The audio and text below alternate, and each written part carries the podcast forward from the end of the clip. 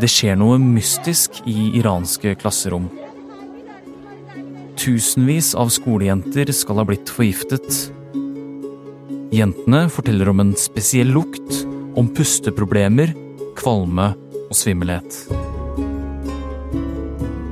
På skolene blir syke elever hentet med ambulanser, og på sykehusene så får de hjelp til å puste.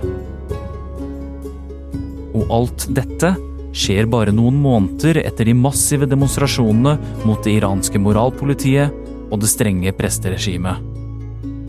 Hva er det som skjer med jentene i Iran? Du hører Forklart, det er torsdag 9. mars, og jeg heter Philip A. Johannesborg.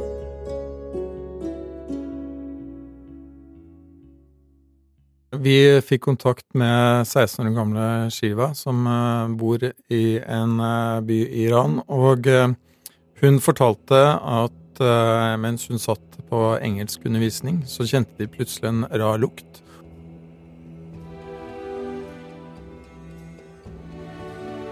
Tor Arne Andreassen er utenriksjournalist og har skrevet om det som nå foregår i Iran. Og til Aftenposten fortalte Shiva at den lukten hun kjente, minnet om råtne epler. Flere av hennes eh, medelever fikk eh, fysiske reaksjoner ut ifra eh, en noen ukjent årsak. Og læreren deres ba dem om å komme seg ut av klasserommet raskt. Og så senere da, så viste det seg at 50 fra denne skolen havnet på sykehus på skole etter skole i Iran så er det um, jenter, gjerne, eh, kanskje også noen gutter, som eh, reagerer på det de tror da er gassforgiftning.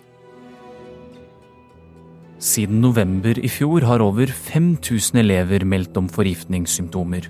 De aller fleste av dem er jenter. Rundt 230 skoler skal være rammet av gassangrep.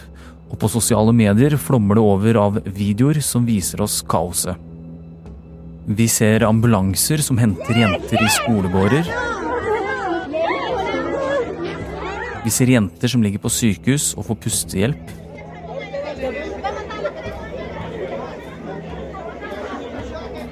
Sykehus med kaotiske forhold og bekymrede foreldre.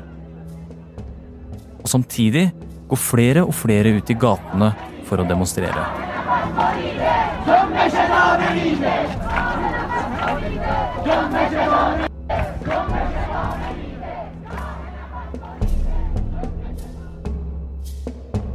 Denne gift- eller gass-saken eh, har blitt en veldig stor sak i Iran, eh, fordi at den har spredd seg veldig de siste ukene. Det er hundrevis av skoler hvor folk, eller hvor tusenvis av barn opplever at de blir forgiftet. Og folk leter etter en forklaring på dette, og de er ikke veldig fornøyd med myndighetene i utgangspunktet. Det, det er jo et veldig mistillit mellom folk og styret her.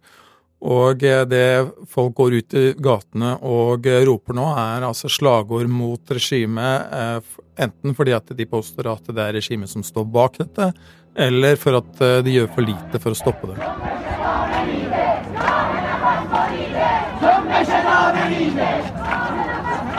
Samtidig som protestene vokser, spres historiene om forgiftede skolejenter i hele Iran.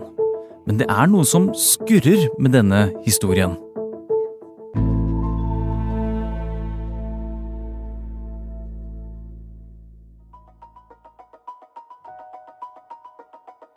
Ja, dette pressestyret i Iran er svært uh, upopulært. Uh, det jeg har uh, merket meg gjennom å reise til Iran et par tiår, det er hvor ville folk på tomannshånd er til å si hvor misfornøyd de er med regimet. Samtidig så er de jo redde for å gi uttrykk for den eh, misnøyen eh, offentlig, eh, fordi de risikerer å bli hardt straffet for det. Men likevel så så man altså i høst at det var store, omfattende demonstrasjoner i mange byer som pågikk i månedsvis mot presseregimet. Eh, og eh, det, det understreker jo eh, hvor, hvor misfornøyd folk er. Demonstrators in Iran push back against authorities in Mashhad protesting the death of Mahsa Amini. She was attacked after being arrested by the morality police. They say she died of natural causes. And across Iran, there were angry clashes between protesters and security forces I september i fjor ble den 22 år gamle kurdiske kvinnen Masa Amini stoppet på gaten av moralpolitiet i Iran. De mente 22-åringen ikke hadde dekket til håret sitt på riktig måte. Hun ble satt i varetekt, og etter tre dager så døde hun. Dødsfallet førte til en stor demonstrasjonsbølge i Iran. I protest klippet kvinner av seg håret, brente hodeplagg og krevde likestilling og regimeskifte. En revolusjon var i emning. De eh, hadde jo forhåpninger om at dette skulle bli en revolusjon, og at eh, det forhatte presteregimet skulle bli styrtet. Men samtidig så vet vi jo fra eh, tidligere opprør i Iran at myndighetene har en vilje til å slå ned på disse opptøyene, og også en evne, fordi at de har store sikkerhetsstyrker som teller flere hundre tusen eller millioner personer, som de kan sette inn hvis de virkelig vil. Og eh, eh det viste seg igjen da at eh, disse eh, opprørene ble bekjempet med svært brutale midler. Veldig mange mennesker ble puttet i fengsel, veldig mange døde.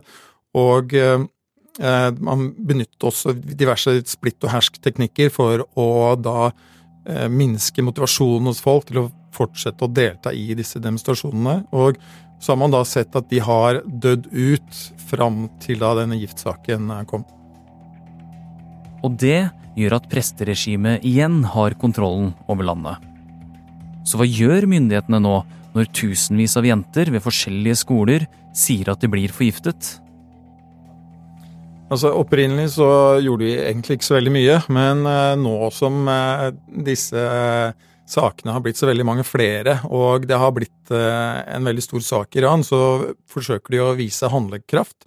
Og det de gjør da, er at de har startet en kriminaletterforskning av saken. De har også fått en masse eksperter til å danne en komité som skal undersøke det, og de sier at de har tatt prøver, og at de har snakket med de som dette har skjedd, osv. Sånn at uh, iranske myndigheter forsøker å vise uh, at, de, at, de, kan håndtere denne situasjonen. Men de har ennå ikke klart å finne noen direkte årsak til det som skjer.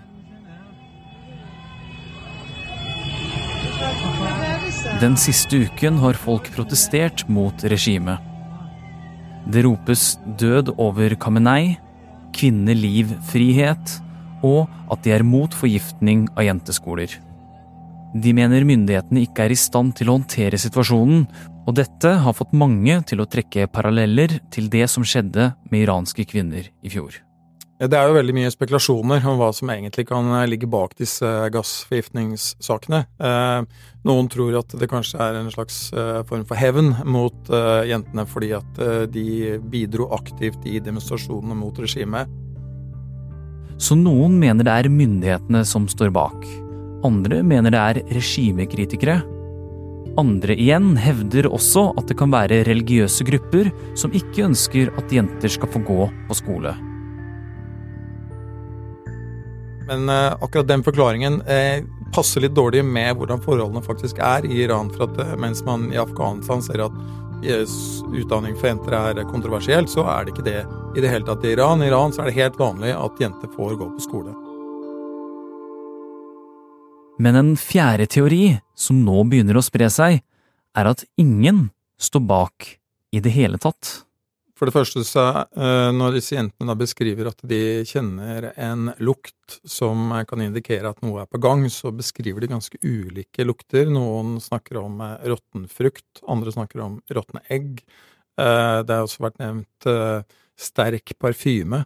Det er jo kanskje da en indikator på at, uh, at det ikke er en, at det er et uh, virkelig angrep.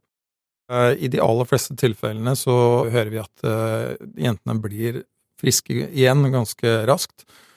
en annen ting som er påfallende, er jo at vi hører ingenting om at lærere blir syke. og vi må anta at lærerne har vært i rommet når disse klassene, klasserommene skal ha blitt angrepet.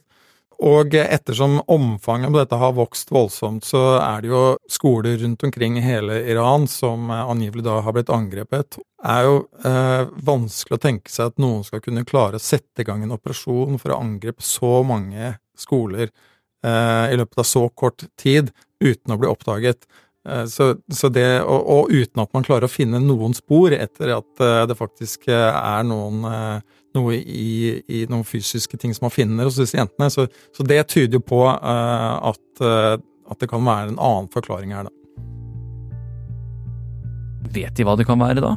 Ja, altså eh, Myndighetene har ikke utelukket fullstendig at eh, noen av disse tilfellene kan være faktiske gassangrep. Eh, men i og med at omfanget har vokst voldsomt, så mener de at det er psykologiske ting som forklarer det. Og, eller stress, som iranske myndigheter sier. Man kan reagere fysisk på noe som da faktisk da er, begynner med en psykisk ting. F.eks. hvis eh, eh, Altså hvis noen i et rom begynner å hoste, så er det en tendens til at flere andre begynner å hoste. Hvis det er sånn at noen snakker om at det er lus i rommet her, så er det en tendens til at de da begynner å klø i håret. Og eh, dette kan da, eh, har man sett opp gjennom historien, da fått eh, mye større fysiske konsekvenser hos noen personer, bare man eh, blir overbevist om at det faktisk kan skje. Og den tilstanden kalles massepsykogenisk sykdom. Fysiske symptomer kan dukke opp hos flere mennesker på samme tid, uten en ytre påvirkning. Altså, det starter hos én og smitter så videre til mange. Dette er overhodet ikke et nytt fenomen. I middelalderen så hadde man et fenomen som kalles for dansesyke. Eh, det ble da den gang forklart med at man eh, hadde fått onde ånder som var, man, man var blitt eh, besatt av. Eh, og eh, fra f.eks. i 1990 i eh, Kosovo så fikk skoleelever der fysiske reaksjoner sånn som minner litt om det vi så i, jeg ser nå i Iran. Og myndighetenes ekspertutvalg konkluderte med at det mest sannsynlig var psykologiske årsaker til de fleste av disse hendelsene. En, en, sammenligning som har blitt eh, dratt fram nå, det er uh, angivelige gassangrep mot uh, skoler i Afghanistan for 10-15 år siden, som man mente Taliban sto bak. Men Verdens helseorganisasjon gransket disse sakene og konkluderte med at den mest sannsynlige årsaken var at dette var da at det var psykiske årsaker som lå bak. Er dette et fenomen som kunne skjedd i Norge, Tor Arne? Eh, jeg tror det er veldig litt sannsynlig, fordi at eh, i Norge så ville man tenkt at eh, altså hvis noen da i et klasserom hadde fått sånne fysiske reaksjoner som jeg snakker om, så ville man ha lett systematisk etter forklaringer, og man ville ha tenkt at dette ikke er noe som noen ønsker å angripe disse jentene som er denne, i denne skoleklassen. Folk har mye mer tillit til myndighetene og eh, tillit til at sånne ting ikke skal skje i Norge. I land som Afghanistan og Iran så kan kanskje man oppleve at eh, det faktisk kan være tilfellet. At noen skulle kunne komme til å gjøre noe slikt. Og når iranere igjen går ut i gatene for å protestere, så er det nok et tegn på lav tillit til myndighetene.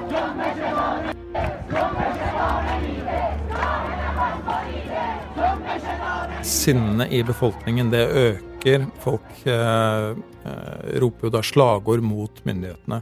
Samtidig så ser vi jo det at eh, det er eh, folk som er motstandere av regimet, som bor utenfor Iran, som nå krever at denne saken blir gransket, og at, som da anklager myndighetene i Iran for å stå bak det som skjer, eller for å gjøre for lite for å gjøre noe med det.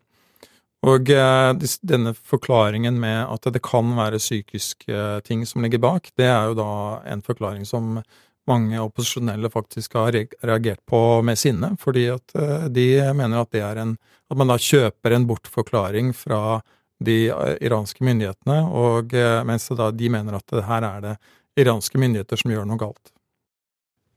Hva kan komme til å skje fremover i Iran nå, da? Ja, vi vet jo ikke om eh, det kan bli eh, flere tilfeller av at uh, skolejenter opplever at de blir angrepet med gass eller med gift. Det, det, kan fortsette å komme til å spre seg. og vi, jeg tror også at det er sannsynlig at det blir mer demonstrasjoner mot myndighetene. At sinnet kommer til å være veldig omfattende i befolkningen i Iran fremover. Men eh, det er også, eh, tror jeg, sannsynlig at myndighetene i Iran kommer til å klare å slå ned disse opptøyene, og at eh, det igjen blir ro i Iran frem til neste bølge med protester.